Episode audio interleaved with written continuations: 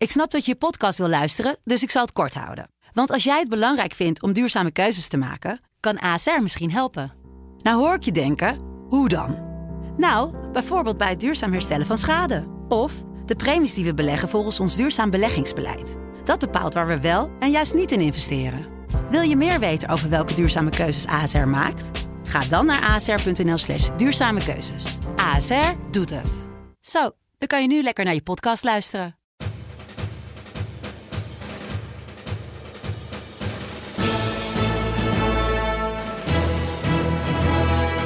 Dit is Delta Tango, de defensiepodcast van de Telegraaf.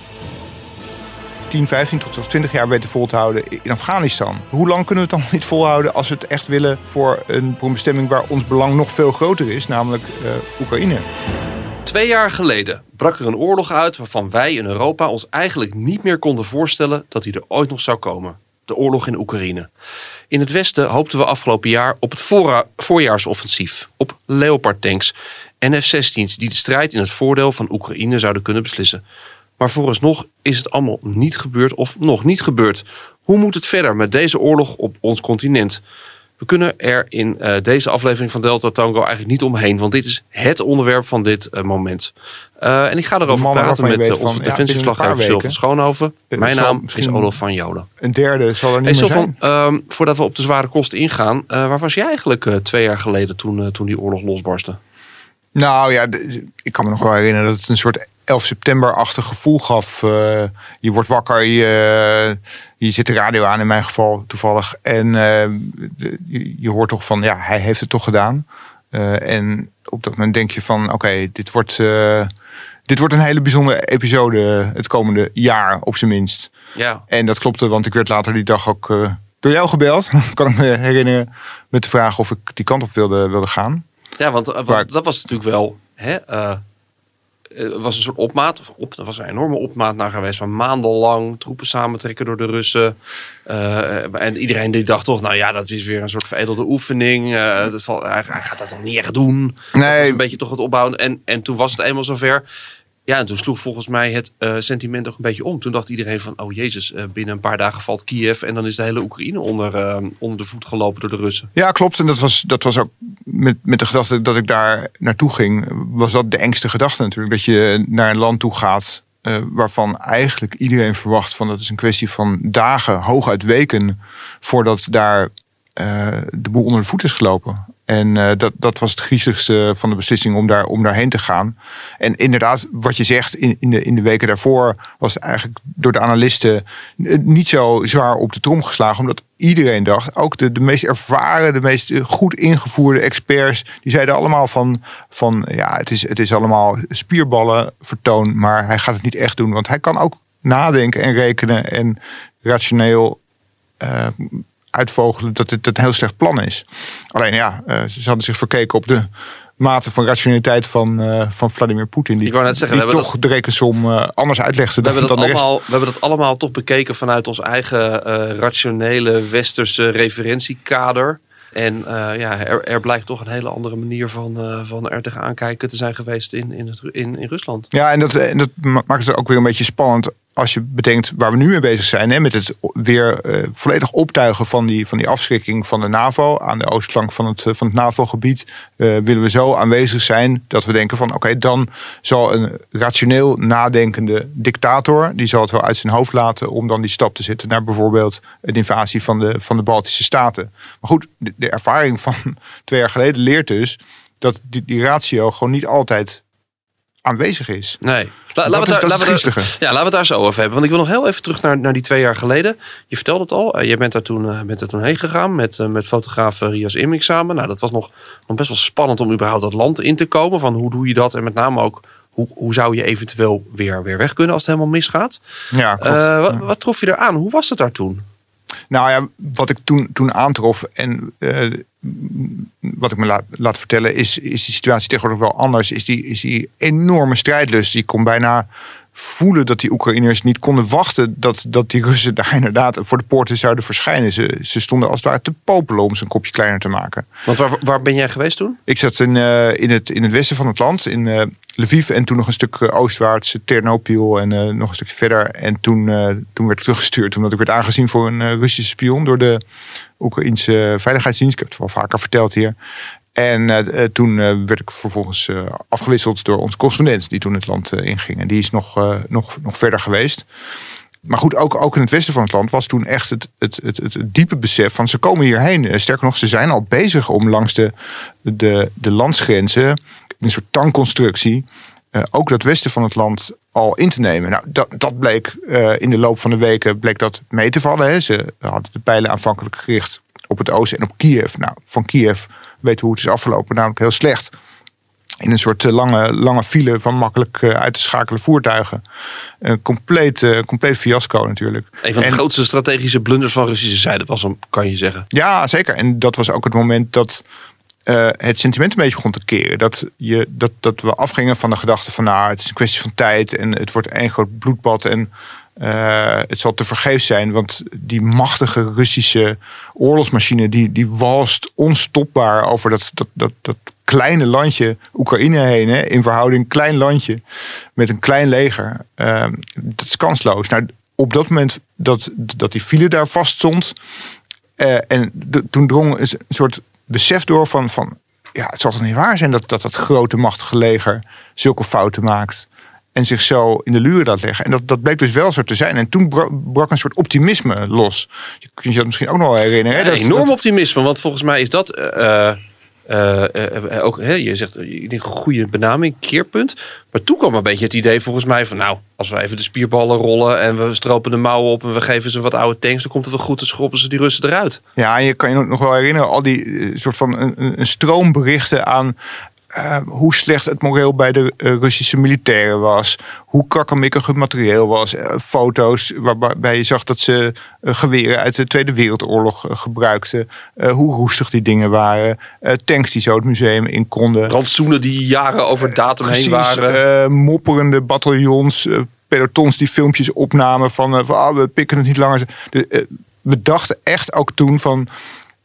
dat het leger gaat massaal deserteren. Uh, of ze gaan op de vlucht, want hun, hun, motivatie is nul. Dat materiaal dat is niet opgewassen tegen wat de Oekraïners nu hebben. Laat staan tegen wat wij ze ook nog nu gaan aanleveren.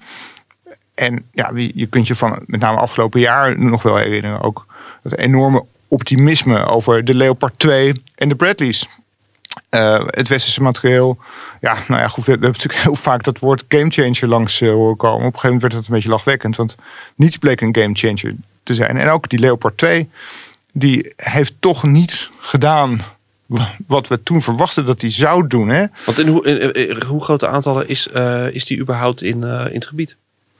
De, nou ja, er is natuurlijk een enorme hoeveelheid tanks uh, geleverd. Leopard 1 in hele grote hoeveelheden. Een wat kleinere hoeveelheid Leopard 2's. Die, die Bradleys die, die zijn gearriveerd op een gegeven moment. Beide met, met wat verschillende logistieke onderhoudssporen erachteraan dat eh, heeft de, de boel natuurlijk ook bemoeilijkt. Maar we hadden gedacht dat dat hypermoderne materieel zo door de, door de Russische verdedigingslinie heen zou kunnen breken. En dat, dat is gewoon niet, niet gebleken.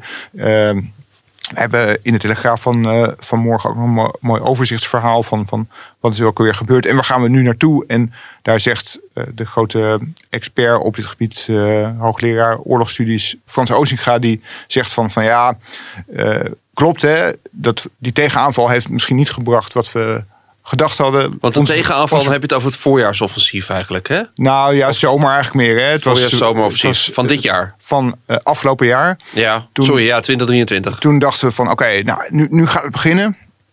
Uh, nu komt dan met dat westerse materieel, nu komt de, de grote pushback, als het ware, van uh, Oekraïners. Die de Russen wel eens eventjes, nou ja, die in elk geval dat front in twee gaan splijten. Hè. Die, die gaan uh, een wicht drijven tussen het oostelijke en het zuidelijke front. En die gaan de landverbinding met de Krim gaan ze ruïneren. Ja, die brug werd aangevallen toen, zoals je, nog wel weet. Echt iedereen dacht van, daar komt, uh, dat wordt vuurwerk. En dit is het begin van het einde voor niet alleen de Russische aanwezigheid daar, maar ook dus voor het bewind van Poetin. Want die, die zal dan ehm, eh, ja, bakzeil moeten, moet- moeten halen. Zijn prestige is verbonden aan die oorlog. Ja, ja. Maar goed, ik zei dus over, eh, over Frans Ozinga. Die zei van ja, onze verwachtingen waren misschien te hoog gespannen over dat eh, tegenoffensief. Maar vergeet niet hoe groot de verliezen zijn die Oekraïne Rusland heeft toegebracht. Ja. Eh, Want Zelfs al heeft, het- heeft het zich niet vertaald in terreinwinst. Dan moet je toch nog even de, de som maken. Eh, hoeveel Russische militairen zijn omgekomen of uitgeschakeld. Hoeveel tanks er zijn uitgeschakeld. Hoeveel panzervoertuigen er zijn uitgeschakeld. Luchtafweer, raketinstallaties. Er, er, is, er is natuurlijk zoveel materiaal uitgeschakeld. Dat, dat, moet je, dat, dat is ook een resultaat van zo'n tegenoffensief. Zelfs al vertaalt zich dat niet in terreinwinst, kan het toch waardevol zijn. Ehm, en hij zegt ook van, nou ja, de- misschien is het daar wel aan te danken dat Rusland ook niet heeft kunnen terugduwen nu.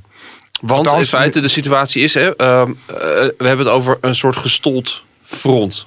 Of toch ook weer niet. Want we, je, je krijgt nu ook veel berichten door over allerlei Russische terreinwinst. Ja, klopt. Nu eh, heeft Rusland eh, het initiatief eigenlijk teruggepakt. Hè. Die hebben Afdivka teruggenomen en eh, proberen daar door te stoten. Maar lopen nu vast op de verdedigingslinies van Oekraïne. Voor zover Oekraïne die heeft aangelegd. Dat is ook nog wel een probleem. Hè.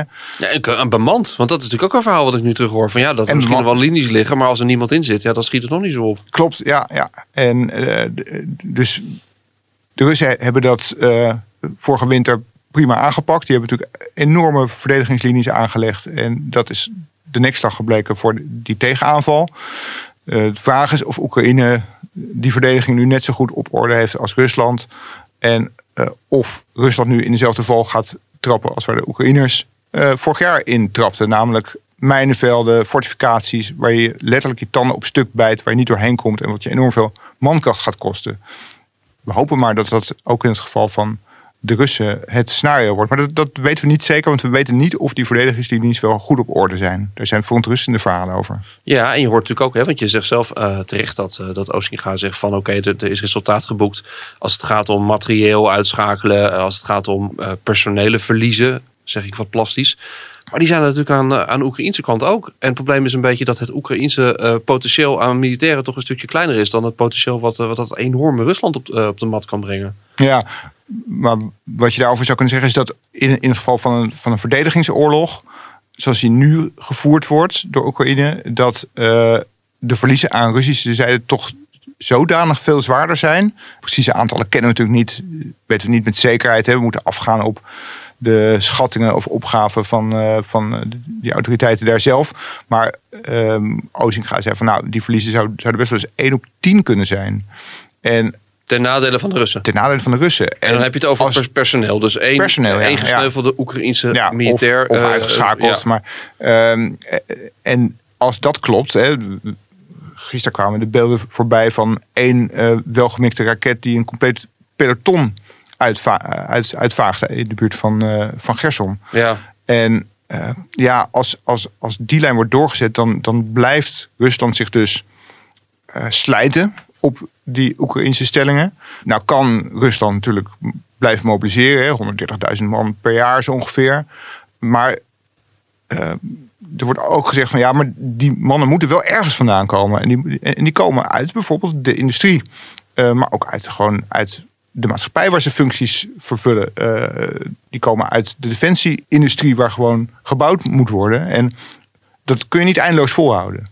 Dus daar zit ook voor Rusland is er een moment dat, eh, dat ze uitgeput raken wat dat betreft. Of dat de maatschappij stopt met functioneren. Zeker als Ja, een dwarsstraat die ik, ik had het er vanochtend nog even over met wat, met wat collega's, eh, onder andere van de Financiële Telegraaf, dat ik zei van joh, eh, uiteindelijk weten we dat de Koude Oorlog vooral gewonnen is op, op economisch vlak. Dat het gewoon niet meer houdbaar was om dat, om dat enorme systeem in de, in, de, in de lucht te houden. ja, Dus daarvan denk je ook van hoe zou dat zich ontwikkelen? Ik bedoel, wat dat betreft is, is op een gegeven staan wij moment er is- gewoon veel beter voor. is de kas, ja, is ook zo. Is de kas leger. Hè? Want wij, eh, als ik zeg wij, dan heb je het over het, Westen, de, de, de, Ja. de facto de NAVO-lidstaten. ja, met of zonder de Verenigde Staten. Dat Maar, maar, maar, wij- maar, wij- dat wij is een enorme economie natuurlijk. Een veel groter economisch Veel groter. potentieel eh, eh, als het gaat om, om financiering. En wat eh Frans Ozinga ook, ook zei was van ja, als wij toch 10 jaar, hè, 10, 10, 15 tot zelfs 20 jaar weten vol te houden in Afghanistan. Hoe lang kunnen we het dan niet volhouden als we het echt willen eh, voor, een, voor een bestemming waar ons belang nog veel groter is, namelijk eh, Oekraïne. Ja. We, hebben, we, wij kunnen dat als economie heel lang volhouden. Rusland niet. Die is nu al 30% van zijn uh, staatsinkomsten kwijt aan die oorlog. En dat, dat, dat is geen houdbare situatie. Dat, dat houdt een keer op. Dus wat dat betreft, wat dat betreft is het tijd aan onze kant, zou je kunnen zeggen. Ja, we, uh, misschien moeten we inderdaad wel luisteren naar die, naar die beroemde Afghaanse les van jullie hebben horloges, maar wij hebben de tijd. Nou, oftewel dat je, dat je meer moet denken bijna als een guerrilla in dit geval het zou wel eens kunnen zijn dat, dat die tijd in, in dit geval in ons voordeel is. Want, en daar sprak ik deze week natuurlijk uh, de commandant der strijdkrachten Onno Eigelsheim over. Uh, het, het is een kwestie van tijd voor de Europese munitiefabrieken en de, de, de wapenfabrieken op volle toeren draaien. Dat gebeurt naar zijn inzicht nu nog onvoldoende. Hè. Dat hebben we deze week eh, kunnen, kunnen lezen in de Telegraaf. Hij, hij zegt van het gaat gewoon te langzaam. Er is van alles uh, gaande. Eh, in Duitsland draaien de fabrieken, in Tsjechië draaien ze, de Nooren zijn goed bezig, de Finnen zijn goed bezig. Maar Rusland draait nog net even een, een fractie sneller en dat is niet goed. We moeten nog verder versnellen, zegt hij. Maar als dat vliegwiel eenmaal op gang is, als die fabrieken eenmaal draaien en uh, alles is uitgelijnd en efficiënt, ja, dan, dan kan Europa heel veel. Hè? En, dan, en dan kunnen wij uiteindelijk veel meer dan Rusland ooit zou kunnen. Omdat wij dit soort dingen gewoon beter aanpakken. Dus als die machine eenmaal gaat draaien en die productie komt op gang. Ja, dan, dan, dan is dat voor Rusland toch een nachtmerrie uiteindelijk. Om dat tegenover je te hebben. Ja, nou dat is, dat is wel een optimistisch geluid te midden van... Uh, ja, als ik het mag zeggen, de afgelopen maanden heel veel slecht nieuws. Somberheid was troef, hè? Ja, weet je wel. Misschien is dat, misschien is wat we eerder aanhaalden, was dat enorme optimisme aan het begin overtrokken. Maar is ook de huidige somberheid overtrokken. Want het feit blijft nog steeds, en dat vond ik zelf. Eh, het klinkt als een detail, maar het zegt wel iets. Het feit dat als jij wil dat je gewoon hier in Amsterdam op de Flixbus kan stappen en naar, uh, naar Kiev kan rijden dat zegt iets over toch ook, denk ik, de veiligheidssituatie. Ik bedoel, je, je zou niet ergens met een bus vanaf hierheen kunnen rijden eh, als het echt diep onveilig is en echt niet kan. Nee, nee, nee precies. Eh, bedoel, het, eh, het, is natuurlijk geen paradijs op aarde, het deel van Oekraïne dat nog vrij is. Maar het is natuurlijk niet zo dat je daar elke dag je leven niet zeker bent. En ja, dat, dat hebben we toch met z'n allen mooi, mooi bereikt. Maar we willen, ja, we willen natuurlijk meer dan dat. Wat hoe reëel is het is wel dat zwartste scenario dat Oekraïne alsnog uh, in zich heel onder de voet gelopen wordt door de Russen? Nou, ik heb voor, voor dat verhaal heb ik een aantal uh, experts gesproken en ook, ook ja, gelezen wat experts daarover uh, in de gezaghebbende bladen schrijven. En dan, dan, dan, zijn er toch niet veel mensen die ervan uitgaan dat, dat Oekraïne helemaal in zal storten. natuurlijk is het zo, als die steun stagneert, en daar lijkt het nu op voor een deel vanuit de Verenigde Staten, uh, heeft dat land een probleem. Uh, als Rusland doorstoot door die verdedigingslinie, dan doet dat iets met het, uh, met het ooit zo, ja, dat, dat, dat strijdbare gevoel, dat, dat hoge moreel wat dat land heeft. moreel kan ook instorten hè, op een gegeven moment. Als je, als je geen successen meer boekt, dan, dan, dan komt een moment dat zo'n land vermoeid is en de, en de hoop opgeeft. En successen zijn, zijn gewoon nodig. Blijven die uit, dan, uh, ja, dan kan een soort defetisme uh, zich meester maken van het volk. En dan, uh, dan kan je een kettingreactie krijgen. Maar als, wat, ik, wat, wat de experts hierover zeggen, is dat, dat die kans nog niet zo heel groot lijkt op dit moment. Nee. Nou ja, laat, maar het kan snel gaan. Laten, laten we dan hopen dat ze Ehm, dat ze er beter op zitten dan, uh, dan twee jaar geleden. Uh, je had het over successen. Een van de successen die uh, eigenlijk pas eh, nu pas naar buiten is gekomen, is een operatie geweest van um, Oekraïnse mariniers. Die ja. een hele heftige oversteek hebben gedaan. En, en jij ontdekte deze week dat er ook eigenlijk een flinke Nederlandse component in heeft gezeten. Ja, dat, dat wisten we helemaal niet. We hebben natuurlijk gezien vorig jaar. Er was een beperkt aantal successen tijdens die tegenaanval. En een van de spectaculairste successen was de inname van uh, de oostoever van de, de Dnieper-rivier. Uh, in de buurt van Gerson, dus in het zuiden. En daar is een gewaagde rivieroversteek geweest door mariniers. En die hebben daar een deel van de andere oever ingenomen. Nou ja, toen dat gebeurde was dat heel spectaculair. Toen was het van, ah, oké, dit, dit, dit, is, dit, dit is echt een doorbraak. Uiteindelijk is het bij die strookland gebleven. Uh, er is vanuit daaruit geen uh, doorbraak gerealiseerd. Maar het was wel ook weer een morele overwinning op, uh, op die Russische tegenstander. Breed uitgevent lokaal in ieder geval ook. Nou ja, ja wereldwijd was dit iets wat, wat, wat heel veel indruk maakte. Ook omdat het zo'n zo'n goed georganiseerde actie was. Nou, de Britten die zijn een beetje met de eer gaan, gaan, gaan strijken afgelopen maanden. Die hebben gezegd van, van ja, die lui die waren dus door ons getraind hè, in, in het Verenigd Koninkrijk. Nou, dat klopte. Uh, maar wat ze er niet bij zeiden, of in elk geval in hele kleine lettertjes slechts, was dat er ook andere naties bij betrokken waren. En uh, dat blijkt met name Nederland te zijn. Dus Nederlandse mariniers hebben daar in het Verenigd Koninkrijk die Oekraïnse uh, mariniers getraind op het uitvoeren van zo'n amfibische actie. Dat betekent in bootjes, s'nachts, heimelijk de rivier oversteken.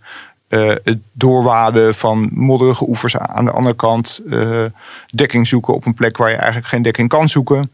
En het, het uitvoeren van een, van een reet op de, uh, de stellingen van de vijand aan die andere oever.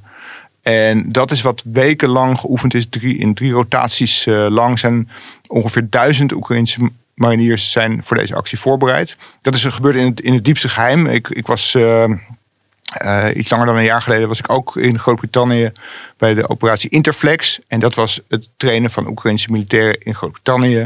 Waar ze werden voorbereid op de loopgravenoorlog. Je zag daar hoe ze leerden man-tot-man gevechten voeren in, uh, in, in, in, in de loopgraven. En hoe je die vrij moet, moet maken.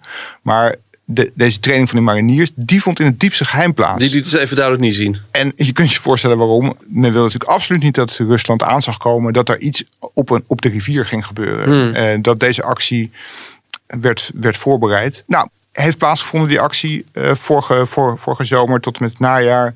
En is een succes geweest. Uh, wat bleek een, een, vreselijk gevaarlijke actie te zijn uiteindelijk.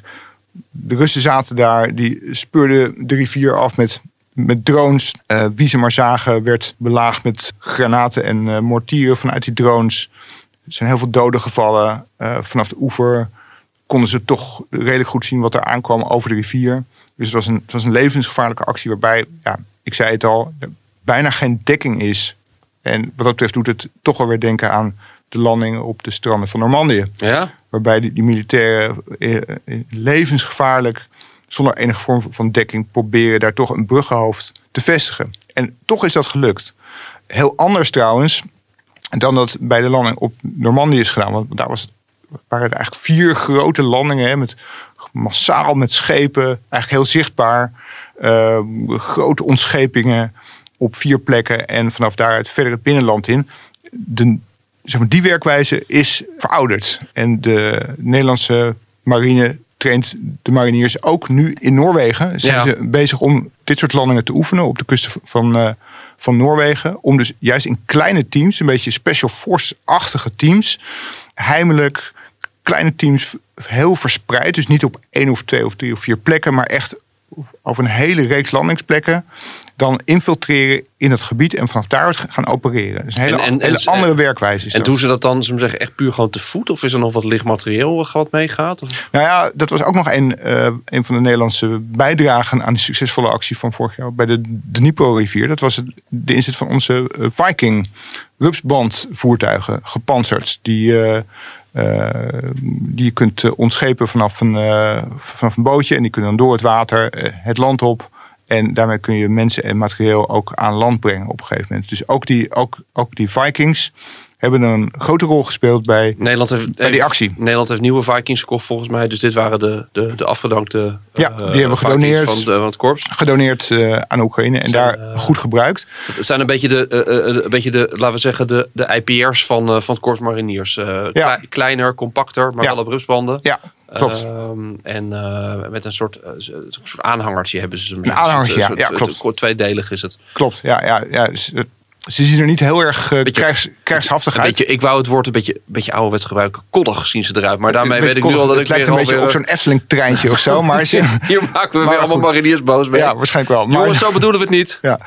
Uh, en ze maken uiteraard ook heel veel gebruik van drones. Dat is uh, natuurlijk vaste, vaste prik. Om te verkennen hoe zo'n terrein eruit ziet. Wat je binnen uh, dringt, gebruik natuurlijk heel veel drones. Hey, je hebt ook met, uh, met de major gesproken die, uh, die die Nederlandse trainingen coördineerde, die daar de leiding aan gaf. Ehm, ja, het, blijkt, het blijft volgens mij voor zo iemand als hem toch een, toch een nou raar is misschien het verkeerde woord, maar bedoel een aangrijpend iets. Want je, Zeker, en ja. normaal train, train je in Nederland, eh, je zegt het zelf al, eh, die, die, die jongens gaan naar, naar Noorwegen toe, eh mountain training in Schotland, allemaal hartstikke tof en mooi. En, hè, en, en je kan honderdduizend keer zeggen van, we willen het een keer voor het echi doen. Ja. Maar, maar het blijft denk ik iets met je doen als, als, als militair, als militair instructeur, dat je zegt, dat je weet van, ja, ik stuur deze, deze mannen gewoon die stuur ik echt gewoon heel, eh, heel, eh, heel erg het echt in. En, en dat, dat, dat is niet ooit vaag, ooit misschien een keer. Nee, is- over twee weken wij spreken. Nou ja, nog korter zelfs. Hij zei van, ja, op een gegeven moment dan was die training was rond. Dan gingen ze met de bus gingen ze naar het vliegveld. En eh, vlogen ze dan richting Oekraïne uiteindelijk. En je wist dat ze binnen een paar dagen zouden gaan doen waar wij ze voor hadden opgeleid. En ze wisten natuurlijk ook van, ja, dat, dat is natuurlijk een levensgevaarlijke actie. Die Daar gaan ze niet uitvoeren. allemaal- daar gaan ze niet Dus allemaal na kunnen Je weet gewoon dat de mannen die je de hand schudt, dat één op de twee, bij wijze van spreken, ehm, er binnen een paar dagen niet meer is. En dat is, dat is natuurlijk een hele bizarre gedachte. Die major zei ook van, van ja, wij probeerden ook niet te zeer persoonlijke verhoudingen aan te gaan met hen. We waren echt trainers ten opzichte van leerlingen. Hè, dus er zit zeker afstand tussen. Maar ja, als je natuurlijk weken met elkaar optrekt, dan ontstaat er natuurlijk toch wel iets van een persoonlijke band. Ja? En eh, dan, dan, dan is het inderdaad een, een, een, een, een, eh, een heel beladen moment op het moment dat je die jongens uitzwaait. Ik heb het, ik heb het natuurlijk zelf ook eh, gezien toen ik bij Interflex in Groot-Brittannië was. Je, je, je ziet daar mensen door die loopgraven rennen en trainen met, met hun wapens en hun, hun oefengranaten. En, je, en je, je ziet daar gewoon de mannen waarvan je weet van ja, binnen een paar weken zal misschien een derde zal er niet meer zijn. Of meer. Nee, want dat blijft. Dat- en dat is een rare gedachte. Dat is natuurlijk ook een, stra- een strategische keuze en een begrijpelijke strategische keuze. Maar Oekraïne heeft vanaf begin af aan ook geen slachtofferaantallen bekendgemaakt. Eh je ziet ook volgens mij relatief weinig verhalen langskomen over, over begrafenissen, over, over verlies. Maar, maar ja, af en toe zijn ze er wel, weet je wel. En zijn dat van die, van die korte, aangrijpende filmpjes die je bijvoorbeeld op social voorbij ziet komen. Er was van de week volgens mij nog een filmpje van een Oekraïense militair. Hè, een, een, ik zou normaal zeggen oudere man, maar bedoel, het zal aardig in de richting komen van hoe oud wij zijn. Een eh, vroege vijftiger. Die zei, ja, ik, ik, eh, ik, ben, ik ben militair geworden. Ik vecht eh, omdat mijn zoon gesneuveld is. Dus nu moet ik het doen. Ja, Ja, ja. dat is toch wel de dimensie die, eh, die je dan binnenkomt. Dat je denkt, oh, wow. Die major die ik, eh, die, ik, die ik sprak, die de training heeft gegeven, die, die vertelde ook een verhaal dat hij, hij kwam wel tegen. En het waren blijkbaar meerdere gevallen van mannen die wisten dat ze terminaal ziek waren. Eh, dus die hadden, die hadden kanker, die wisten van, nou ja, ik heb een half jaar, misschien een jaar nog te leven. Dus wat heb ik te verliezen? Helemaal niks. Ik wil mijn leven eh, op een nuttige manier opofferen voor mijn vaderland. Dus ik meld me voor dit soort levensgevaarlijke acties. En als ik sneuvel, ja, is er eigenlijk niks verloren. Ja. Ehm, ik, ik wil op die manier mijn leven op een zinnige manier geven. Poh. Ja, dat zijn wel. eh, dat geeft het wel een heel andere dimensie. Ehm, je zei het al, je hebt ook eh, nog eh, eh, deze week eh, commandant de strijdkrachten Onno Eigelsheim gesproken. Hoe staat de reactie die wij moeten geven naar aanleiding van die oorlog ervoor? Want je noemde het al een beetje de defensieproductie. Ja, Dat, dat, dat, is toch een beetje dat was zijn een groot voornaamste hè? focus. Belangrijk onderwerp, want het is toch mijn indruk- daarbij is, is, is nogal. Hè, aan de ene kant hoor je hem, Europese collega's, politici, die allemaal roepen: jongens, gas erop, gas erop, gas erop. En, en in mijn indruk is in ieder geval in Nederland dat je denkt: ja, want dan komt er iemand die wat wil doen en dan krijgt hij te horen. Ja, sorry, maar eh, dat mag niet. Want eh, daar heeft u twaalf vergunningen voor nodig. En eh, die gaan we rustig afhandelen. En over drie, drie jaar ben je de eerste. Ja, nou, het was de commandant der strijdkrachten zelf die, die, die een jaar geleden in de Kamer zei van we moeten weer een Nederlandse defensieindustrie opzetten. We moeten dit zelf gaan doen. Wij zijn iemand tegengekomen die dat heel graag wilde. Eh, De ondernemer Geert Zondervan stond te popelen om dat te doen. Die had de fabrieken, die had het geld, die had de know-how om dat te doen. En hij is ernstig teleurgesteld geraakt in de houding van de Nederlandse overheid om hem te helpen. Want uiteindelijk is de keus gewoon niet gevallen op een, op een, op een eigen munitiefabriek. Eh, dat, dat zag je ook terug in de munitiebrief die eh, de staatssecretaris en de minister, eh is het, anderhalf maand geleden hebben, hebben ingediend bij de Kamer. Daar wordt gewoon uiteengezet van, jongens, we gaan munitie kopen. En dat we gaan het niet zelf maken. We kunnen dat gewoon bestellen bij de fabrieken die ze al maken. En Uh, ik... Maar zijn die levertijden dan ook een beetje fatsoenlijk? Want dat was ook altijd het verhaal. Dat er werd gezegd, ja, dan, dan komen wij ergens en dan mogen we achteraan aansluiten. En dan bestellen we bij de Duitsers. Ja, die gaan uh, eerst voor hun eigen productie wat doen. En, nou, en dan ja. misschien als we ooit nog een keertje geluk hebben, doen ze ook wat voor ons. En ik begreep ook dat het ook, het is niet zozeer, uh, we denken bij munitie natuurlijk altijd aan kogels. Maar het gaat vooral om wat je noemt kapitale munitie. Dus, dus ingewikkelde grote granaten, raketten. echt gewoon. Munitie werd dat genoemd. Dus dan heb je het over de, over de raketten de, en, en de grote granaten. Dus echt de, de. De, ja, 155 mm. Ja, dat soort spul. Dan heb je het niet over de, over de, over de geweer- en pistool uh, nee. uiteraard. Maar wat de commandant der strijdkrachten er nu over zei was, was van ja, het is best mogelijk dat zo'n Nederlandse munitiefabriek dat het een goed businessmodel oplevert. Dat kan best wel goed draaien. Maar niet voor de korte termijn. Hmm. Uh, want je, je moet hem gewoon eerst bouwen. En daar hebben we geen tijd voor. Dus hij zegt van laten we nou in godsnaam, dat woord gebruikte hij ook, laten we nou in godsnaam het zoeken bij de bestaande munitiebedrijven. Uh, in Duitsland, in Tsjechië. Uh, uh, zorgen dat de capaciteit van die fabriek groter wordt. Zorg dat extra diensten, extra lijnen zijn, misschien wel. Ja, om, uh, om die productiecapaciteit uit te breiden. En dat is gewoon de snelste weg nu om uh, munitie uh, te leveren voor Oekraïne. En ook onze eigen voorraden weer op peil te brengen. Ik hoorde dat in dat kader ook bijvoorbeeld dat er uh, gewerkt wordt aan een productiecapaciteit voor, voor raketten voor de Patriot. Ja, en, Patriots, ja. In, in Duitsland. Ja ja, weet je, ook, ook dat zijn natuurlijk hele wezenlijke dingen. En als je dat daar, wezenlijk, ja. En als je daar niet alleen uh, uh, misschien uh, die raketten kan bouwen, maar ook launchers zou kunnen assembleren. Nou ja, de, als je op die manier denkt, is het wel logisch inderdaad dat je dan sneller wat, wat kan organiseren dan ja. wanneer je helemaal vanaf nul moet beginnen. En dat sluit dus niet uit dat je in Nederland weer een, weer een fabriek neerzet of een Nederlands bedrijf op andere locaties. Hè, want daar was op een gegeven moment ook sprake van. een Nederlands bedrijf, maar bijvoorbeeld produceren in Denemarken of in Griekenland. Mm. Dat zijn allerlei mogelijkheden. Maar ja, ja, feit is gewoon, die lopende band moet daar nog gebouwd worden. En daar, daar kunnen we eigenlijk niet op wachten. Dus um, eerst toch maar zoeken in de bestaande fabrieken. En dan maar hopen dat die snel genoeg op stoom komen. En daar wordt nu alles aan gedaan om die fabrieken op stoom te krijgen. Uitgebreid, er moeten investeerders zijn. De banken moeten er geld in kunnen steken voor, die uitbreidingen. En dan is het gewoon een kwestie van produceren, produceren, produceren. En uh, de verwachting die de commandant daarover had, was dat binnen een jaar dat vliegwiel op stoom moet zijn. Oké, nou dat is, uh, dat is dan een, een, een, een redelijk overzichtelijke termijn. Dus Oekraïne uh, moet het nog een jaar zien uit te houden met wat er nu is, met de gebrekkige middelen. En die middelen zijn nu heel gebrekkig. En je ziet ook dat het aantal granaten dat Oekraïne afvuurt is, is nu een tiende ongeveer van wat het vorig jaar was. Mm Ze moeten nu prioriteren met van uh, dat doelwit gaan we wel beschieten en dat doelwit is net iets minder gevaarlijk. Die laten we even lopen. Ja. Uh, dus daaraan kun je gewoon echt letterlijk zien hoe nijpend het tekort nu al is. En dat moeten ze dus nog een jaar zien uit te houden. En geleidelijk aan gaat die productie omhoog, is de hoop. Ja, het is een, ehm, een, een wat je al eerder aanvoerde, een, een uitputtingsslag. Waarbij, uh, waarbij het maar te hopen is dat die uitputtingsslag uiteindelijk uh, uitvalt ten faveur van, van Oekraïne uh, en ten nadele van Rusland. Ehm, ja, geen, uh, geen vrolijk verhaal, maar dat wordt het eigenlijk nooit als we het over Oekraïne hebben. En zeker nu niet. Uh, maar wel een, uh, volgens mij een interessant inkijkje in hoe de zaken ervoor staan. Twee jaar na het uitbreken van de Oekraïne-oorlog. Sylvan, dankjewel. Ook voor deze keer weer. Yes. dit was Delta Tango voor deze week. We hopen dat je met plezier hebt geluisterd. En als dat zo is, laat het ons weten. En laat een recensie achter op één van de podcastplatforms. Of waardeer ons daar. Delta Tango is er over twee weken weer met een onderwerp uit de wereld van defensie en internationale veiligheid.